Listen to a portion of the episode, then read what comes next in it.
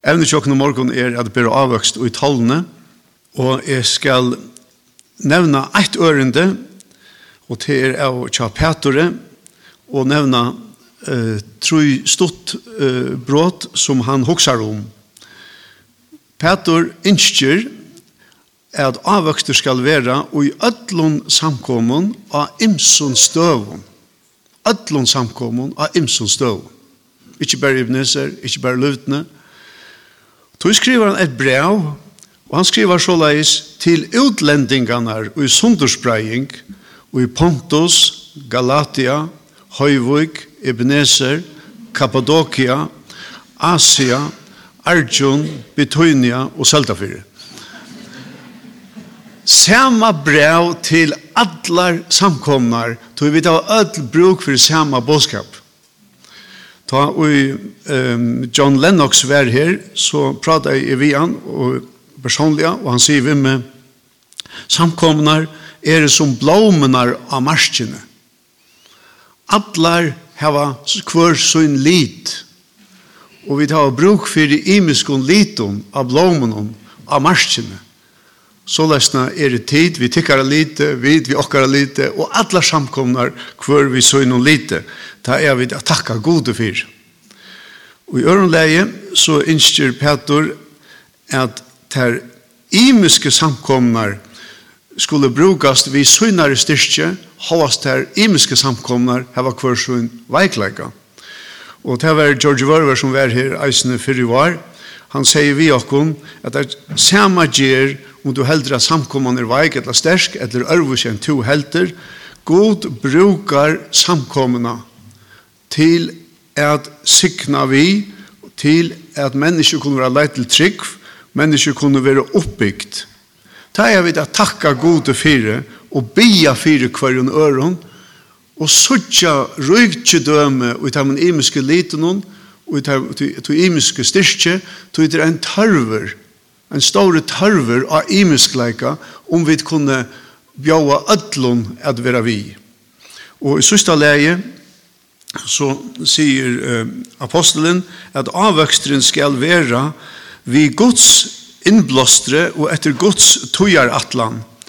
Og han hever ein setning her som lovar så leis at hever onkur tænaste så tæni han etter som god gjever honom kraft til tæn. Men da må så vel hessa vendingsene ettersom god gjør honom kraft til det. Han gjør ein og noe kvarjon kraft. Gjør kraft. Av fromalen og stenter gjør uiblåster som ta i vinteren fytler seglene og en skipe, seglskipe, så det kan sikla. Let dere takka gode fire at han gjør dere hver en enstøkken tann uiblåsteren. Og i åren uh, ligger eisene tann uiblåsteren som kårleieren hever. Ja, og det er damer så vel til kår byrja sinja. Så reiser ød seg, så lytter hendene opp, og så stemmer ødel ui. Det er en øyler uiblåster som tar armaner heva, tar ødel stemmer ui. Og det er det som ligger i hesson, den kraft som kårleieren hever inspirerar kåre vi. Og samme hatt inspirerar god okkon og god tykkon. Vi innskjer tykkon alt det beste her i løvdene. Og så stender avvekster i tallene. Det var min trobeleidje ta i eblavelte. 25. april sier pape vi med, ta må alle eplene være i måltene, Flaggdagen. Og så var det i måltene. Og hva så? Avtalene Jeg måtte bare boja. Her var ikke gjerne, uten å boja. Boja, boja, boja, inntil det for å næla. Og det for å næla, ta i hva fer ut og lykke som rippa ui for at hala vøkstene av løsen til sjådare. Til eisene tål som krevst. Og hvis vi ikke gjør tål, så ver andre vokster, så er ledja vid voksteren. Læt okkon hava eia fyrir at summe vaksa sjåtare, summe vaksa sætne, summe hava langre tøy, men avvekstren kommer fra gode, at hun ikke ivast ui tui. Takk fyrir, gjør så vel, Elsa. God dag. Og tusen takk fyrir høve at vi er sammen vittig under morgen. Det vil alltid være en stor glede å komme nyan her. Og det evne som vi da valgte morgen, eh, til at eh, bæra avvøkst, det er et evne som eh, jeg har ventet i hoan om rattelig nek hvis jeg søgnes tøyna. Og det er også eh, til er som kommer i æren at som du kommer opp i ærene så hikker du atra løyve og så kanskje du um, frøstes til at være uisonek her og huske om hva burde jeg ha gjort som ikke har gjort eller hva var bedre å har gjort og jeg sagt og i min løyve. Men det er ikke det som god ønsker. God sier at vi har ødel mulighet for gjennom nødtjere byrjan. Og vi har ødel av kvila og i frelseverst til Kristus her, først og fremst. Og at lære av okkara mistøkken som vi har gjørst. Um, Året avvøkstår, grøye, av bra frukt, og så gjør det til nett og gjør noen alle skriftene og teljende dømer. Um, det er bæge til at bæra ringan avvøkst og at bæra gåan avvøkst, ånden avvøkster, nekver avvøkster og så framveis. Um, det er en halsa som ofta er um, given eldre mennesker og uh, det er ofta ser og i, i føringardags um, um, bløvun, vi sangen og så gjøre, hin rattvise grør som palmen, teir og planta i hus i herrans, grekva i forgården gods okkara. Enta grahard bera til avvøkst, teir og sevjurøyk og grøn, til å vittne at Herren er rattvisur, han klettermøyen, han som ønsken og rattur i tja. Etla ur Jeremias, signa vår er tann med vår, og tann kvinna, og i løyter herran, og som er herran til alit sutt. Han skal være løyker treie, og er planta vid vatten, og tøtjer ut røter sønner vid løk, som ikkje øttast av hiten kjemur, men alt alltid ber grøn blø, som ikkje syrger i torren aron, og ikkje djever opp at, at ber avvøkst. Vi leser i skriftene om og i tøtjelian avvøkst, Og vi leser også om og i utøkjelian avvekst. Det er utøkjelian som kan matast og viast og så videre. Nå får jeg vite at møte om trivnein og i samkomne, og vi tar et med en krafunt ut av øya vi det men så er det øyne tann og utøkjelig av, avveksten som ikke sast for en øynafer. Og jeg har en komisk søve fra Sarepta. Det var en, en sundagslærer som fortalte henne, det var en sundagsskola lärare stävne att hon eh, skulle lära bøttene i sundagsskolen om andans avvøkst och Galatabrannan. Och hon og til nødje andans avväxter och i Galatabrannan kärleitje, gleie, frigjør, lengme og mildløytje, gøska, trofeste, spakføre, frahalt. Og hon er valgt seg nødje frukter av de aller penaste som hun kunne finne, og øsne og i prøyse døyrer og eksotiske frukter, og så har hun lagt alt i en skål, og så skulle hun være sundagsskolen vies ned, for jeg gjør det og utørselig for bøttene. Hun får ha møte i morgenen, og så skulle hun skunde seg hjem etter skalen og etter bøttene i sundagsskolen. Og hva hendte? Da hun kom hjem, så har jeg med over for jeg gleder sin fitte kone, skår i alle fruktene ned i fruktsalat så tar rått om å vise antans avvøkst og tjona banden. Men eh, Paulus sier i fyra Korintbrev Jeg planta jeg og Apollos vattna jeg men god gav vøkst. Helt i skipa så er det god som gjør vøkstor.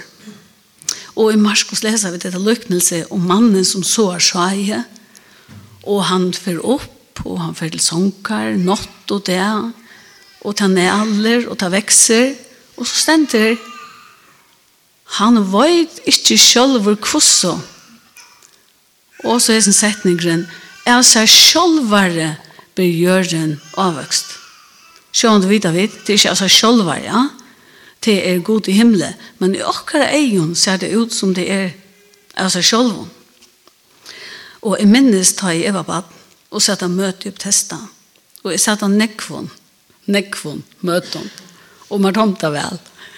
Og jeg husker i så ofta, hei er doa te og te, Eller hei er vere tann og tann, så skulle jeg gjøre nægge for herren.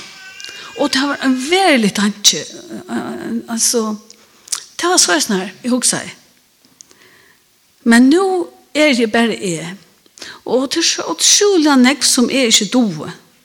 Så let bare henne om det. Og til verre, det er ikke bare bøtten og ung som har satt det, men nek av okken som har kjent herren i aravis, som unga til å komme bort ur hans nær. Men Varst du hva Jesus sier til tre vers i Johannes evangelium. Jeg så ikke nå da jeg hukte atra det som jeg er fyrre. Jeg tror ikke alle ganger atter. Jeg husker ikke om for nattene. Men her er tre vers. Han sier, Fetter ikke kvøyde kotten og hjørn og døyr, verur best hitt øyne kotten. Men døyr til, ber han nekvann avvøkst så det snur seg om at dødja. At heldre gjøre Guds vilja enn at gjøre min egna vilja utan å spyr han etter. Han sier røysene til han tåser en vundreie Hverja grøyn av mer som ber avvøkst rønsar han så hun skal bære mer avvøkst. Vi vet hva rønsa av herren, han løyver at og tenker dere løyver som kanskje ikke alltid er så lagt, men som er en rønnsande avskan. Og hva gjør han til? Han sier, så han skal bære mer avvøkst. Og vi lærer svennene sier han, mot enden av åren han fyrer, uh, tjøkken løyensene. Ikke tid har vi utvalgt med, men jeg har vi utvalgt tikkene, og sett tikkene til til at de skulle være ut og bære avvøkst. Fyre at færen kan gjøre at det kan ta som det ben om i navnet min. Det er også noe utslitt av avvøkst. Det er at Herren gjør oss det som vi ben om, etla at okkara bøner mona og hansara vingar. Og vi har et syrstaklega avhåverst lyknelse, et kjent lyknelse om at byrå avvøkst, og til sjålande om samanen som vi råd så. Hetta løknelse stender i Øtlund Simon, Matteus, Markus, Lukas. Matteus og Markus, her lujtjast versjonerna, nastan identiske, ikkje holdt, det kunne hitja at hui. Og her stender til kjenna at nega fettler vi veien, tar vi trakka nyer, foglene er etat opp. Og så er det nekka som fettler i gata gjør, etla av hedlebotten, her som er gråt og skorsl. Det fester ikke røter, og det kommer opp, men det følger på en etter. Og så er det det som fettler mellom tårner, det har vært køft av tårnene. Og så er det nekka som fettler i gåa gjør. Jeg minns, jeg har en lærer i Høydelån, og i fransk og latin. Han pleide å bruke etter løknelse. Jeg var ikke ganske akkurat så positiv om holdning til skriftene, men minst han sier alltid da han kom etter lærte okkom det som vi skulle doa, så den etter så skulle han vite hvordan vel er gingest. Og så ble han å si etter det, og nækka fatle med den torner, og nækka fatle gata gjør, og så var det som dotti, og nækka fatle gaua gjør. Jeg husker alltid om han tar i leset og løknelse. Men bortsett fra tog, så stender at det er ute gode hjørne, det er de som teker vi årene, og som fæte år, og som så blir avvøkst. Og Matteus og Marskos sier at avvøksten kan teljast, metast, trojati, 60 og 100-falt. Og da Jesus forklarer hva, hva i lykkende mersker, så sier han øyne endelig til han etter 30, trus og 100. Og så sitter jeg og leser og tenker, nå, er, altså, er kvart til 30 eller trus eller 100, kanskje er det bare 5 eller 2, ja. Eh, så er det her. Tog var det så befriende å lese Lukas. Og jeg minns først for så at jeg for noen år siden, og nå har jeg tistet frem at det at Lukas sier, Nega fall og gøy gjør, og hva er det? Det er det teg som de tar det av hårst året, gøyma det i vøkron og gåon hjärsta, og bæra avvøkst i tolne. Han teker en halvt æra søye fram av oss næra, og til okkon er det nøyot at jeg var boer, at meta og mata og telja og så videre, men øysne hitt at det er næka som vi ikke sutja, som ikke kommer fram for en øynafer, men la dere være trofast med an vi bia, boia, soa og bia, og gjøre Guds vilja, og tryggva og patea at avvøksten kommer. Um, jeg har um, sommer lyst en ekvelig uh, spennende kjolsavsøve. Og det er hentan her damen som heter Fanny Crosby. Jeg har ofte hørste om alt med lov, og lise ofte, ofte i minst om henne, som andre har skrivet. Og andre legger ofte tent, og at, jeg, at hun var blind, og hun var ofte kallet for den blinde eh, Salma Ischaren. Hette er henne ekne år, og det var helt arvig sjøen å lese at folk skriver sine ekne år om, om sitt lov. Og Um, hon er, um, vi hadde sagt, da vi med henne, hon var flåvit. Blind fra at hun var seks viker, årsaka av skøyvarvidger, en lakne, som sier seg være lakne, som ganske svært allikevel, og som kvarv fullkomlige ur myndene, um, vidger det en egna brona skøyft, så er det sånn at hon skatt han skatt till sjönna och hon var blind resten av livet. Ehm um, hon ärste 8000 omløy kristligar salmar. Og Arne Tatoi, Arne byrjar ikke tæsleie, så er ikke hundratals ærer til føringer der til større statsmenn og til kantater og operetter og, og hun var byen om å gjøre han egg og er noen kom til teater. Så vi kjenner henne best for det er det som vi tar og i nødvendig sangbørsen jokken her, som akkurat er kommet ut av kvitsene. Her er det 46 av henne av Salmon og vi. og her er 6 imisker første i. Og så det er sikkert ære røysen som er tog til først enn akkurat heser 46. Og hun var også en tøvnlagere, og og sang og og og her gav også en konserter og til klaver og jeg hørspe spalt jo nesten. Men henne er lov må ha vært en avbjøring. Hun var 30 år da hun fikk en tjøkken og grubende andelig oppleving. Ta, hun sier åren til jeg er i andre bøyne i heimen og andre sammen med herren. Men fra at hun var 30 så var det bare bøyne rett og sted. Hun har stått løsning å lese. Og, men hun blir ikke ikke til kristelige for noen er sørste trett ved noen. Ta, ta, ta hun ordentlig gongt kom av tannparsten av, av um, skalda skaldaløvnen.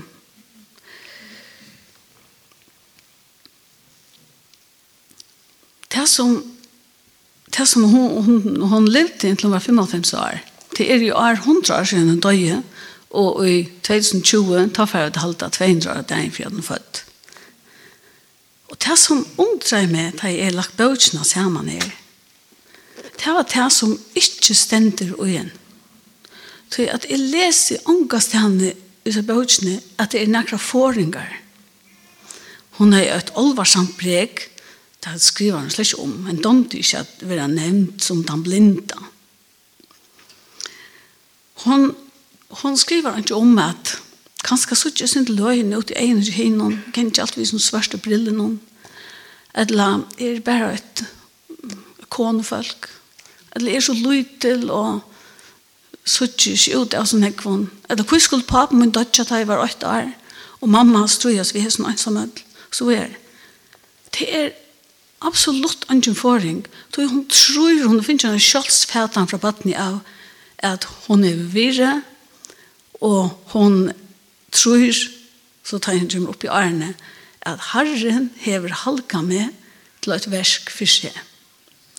Og hun var framme i sunnkjen om Atlanheim, og til å telle han søver i seg bøtjen om hvordan henne er salmer, bør til okka og trøst og til frelse for sånne mennesker. Løms øyn, hun skriver selv, hun finner for brøv og så gjør det, at det var en skipar som jeg møter om både skipet, Og da sjunger ofte denne sangen som vi får synge til Atana, til Elio, Trykker og Jesu Ørmon. Og skipan legger mest til at det er mer som ikke synger vi. Og til å legge mest til nærkere ferier. Så fer han til han Atana, så sier han, «Hed du ikke møte dere møte hun?» Så sier han, «Du synger vi?» Og mer sier, «Nei, det tror jeg at jeg kan ikke synge Trykker og Jesu Ørmon.» Og takk er altså, eh, mulighet for en samtale, Og Maren kom til Trygg, og skipan skriver til henne hvordan glæver han sang vi at i neste møten om Tryggur og Jesu ørmån og vi hans eima brøst.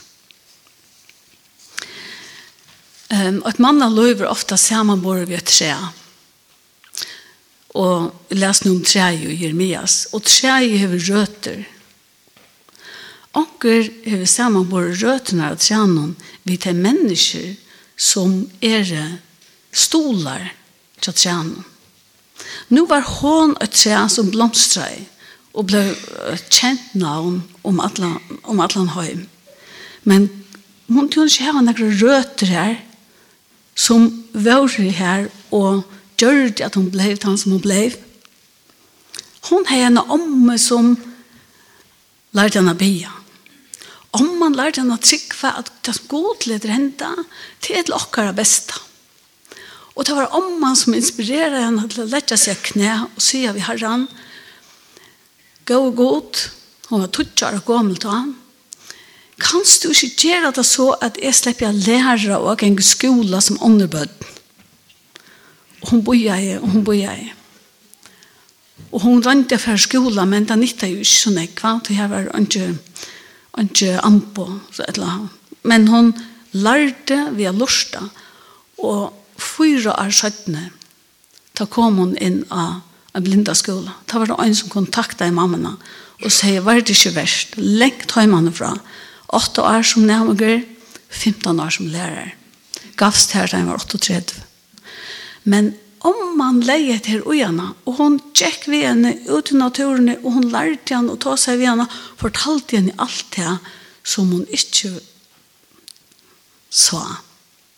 Lærte henne å bruke henne sansene, og stimulere i øyra for vekeløkene og normalen. Og mamma leser ischtingar, tungar ischtingar, heimspøkment, og fyren fra dem var helt løy til.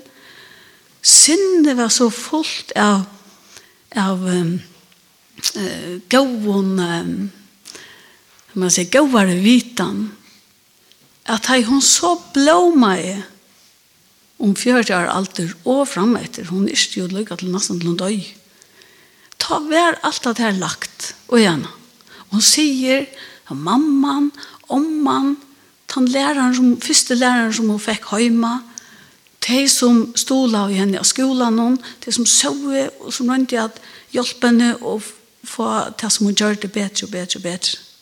Så, om avvøksen ikke sast, kanskje vi kunne være røter for de andre mennesker. Og jeg tror vi har vært ødel er det, mer eller mindre. Jeg tror vi har vært ødel finnes oppgaver i løven om at stola øren, menneskene, og kanskje være øskjønnelig selv.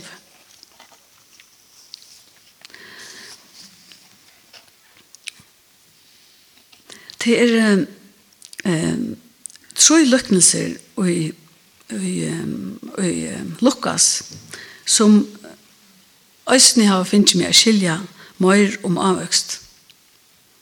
Og det tror ikke jeg imsa skjøyer, så er det som Herren løyer åkne i det daglige. Lukas 15, her har vi et løknelse om min borste mista seien.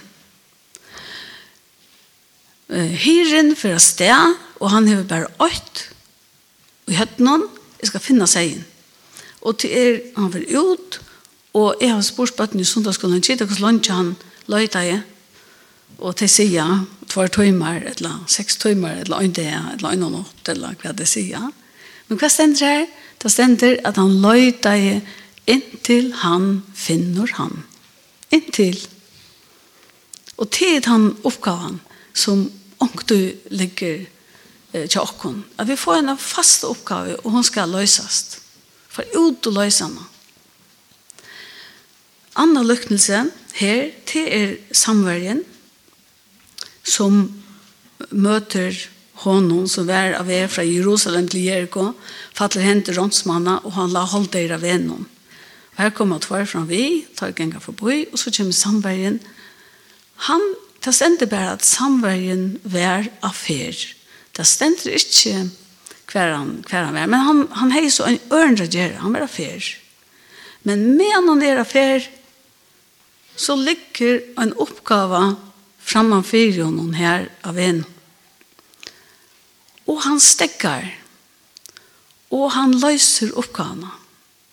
Och utrolig hodet kan det lese Är att han, han, han kommer och han ser og hon tikki hjartaliga sint og og han binder hon særen og ler olje vun og og setter mannen på sitt egna djør før han til kistingarhus og sier ikke for røkt og betalt det som det koster.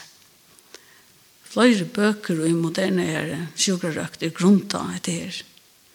Og nå er festivalen og nå, de festivalene er vært, så har det hørt utvart noen at de må vite at samarittene er her til stedet det er jo eisne år stavar fra eisne samverjan ur skriftene. Um, det vil si at vi det er en oppgave. Vi renner noen ujønne oppgave. Vi har ikke planlagt det. Men vi renner noen ujønne. Og vi nøyer oss å brøyte når det er atlaner for å løse hesa. Og så til tria til Lukas 15 om min bortvilsta sonen eller en elskande fjæren, som anker helt vil kalla til lykkelse, det er eh, det er omstøver som vi så feien det brøyt, men vi er kommet gjennom bojestøve, og vi får ikke gjørst.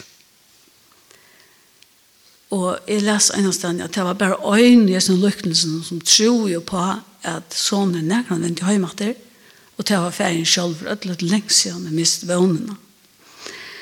Men da jeg nå har lyst i hese troi, så hokser jeg. Er lov ikke så løs. Det er første bonde oppgavene som vi gjør, som vi nøyest å gjøre, og som vi færre ut å gjøre. Og så er det den øvende oppgaven som ligger fremme for dere. Telefonen ringer, pura øvende. En oppgave som ligger her. Og så tar tria da vi standa hjelperleis, og bejande god om at vi verveid av vånene og suttja avvøkst øynafer, ta i Guds tøyme er kommet. Og her var det middelen feir og sån, men det kunne være så utrolig nekvar støver i akkurat løyve, her som vi opplever til at akkurat det feir baklas, og vi får ikke gjørst men byande, så er Herren lova at han skal svære. Og det søgneste her, det er det stenter at eh, ofte i skriftene at det er noe som heter Guds tøyme, eller Guds løta.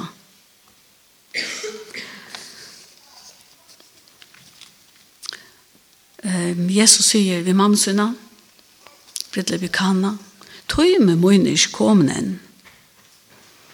Øynestande stender, Angen lei hånd og han, tøy tøy med hans av vers komnen. Og ta han er og ikke semane, sier han, ja, nu er tøy med nær, ta mennesker som skal være givn opp i hendur sintara. Han etter påskalampe, og Nå er tøymen kommet. Ta i så tøymen kom, sett stand til bors, og apostlene vi honom. Og Johannes, Jesus visste at tøymen hans var kommet. Og be i bønene, og Johannes, feir, tøymen er kommet. Gjer sånn tøyn, dør. Og i Galaterbrann stender øyne ta i fytling togjerna kom, sendte god sånn sånn. Det vil si, ta i Guds løta vær, og ta ratta løtan, ta sendte han sånn sånn. Og i alt dette er så godt å huske om, medan vi telja og hytja og meta om avvøkst, er at en helt annen sjøya er Guds tøyme. Det som henter handan til som vi sutja. Og her henter nekv handan til som vi sutja. Og vi tryggva og på at okkara bønner mona.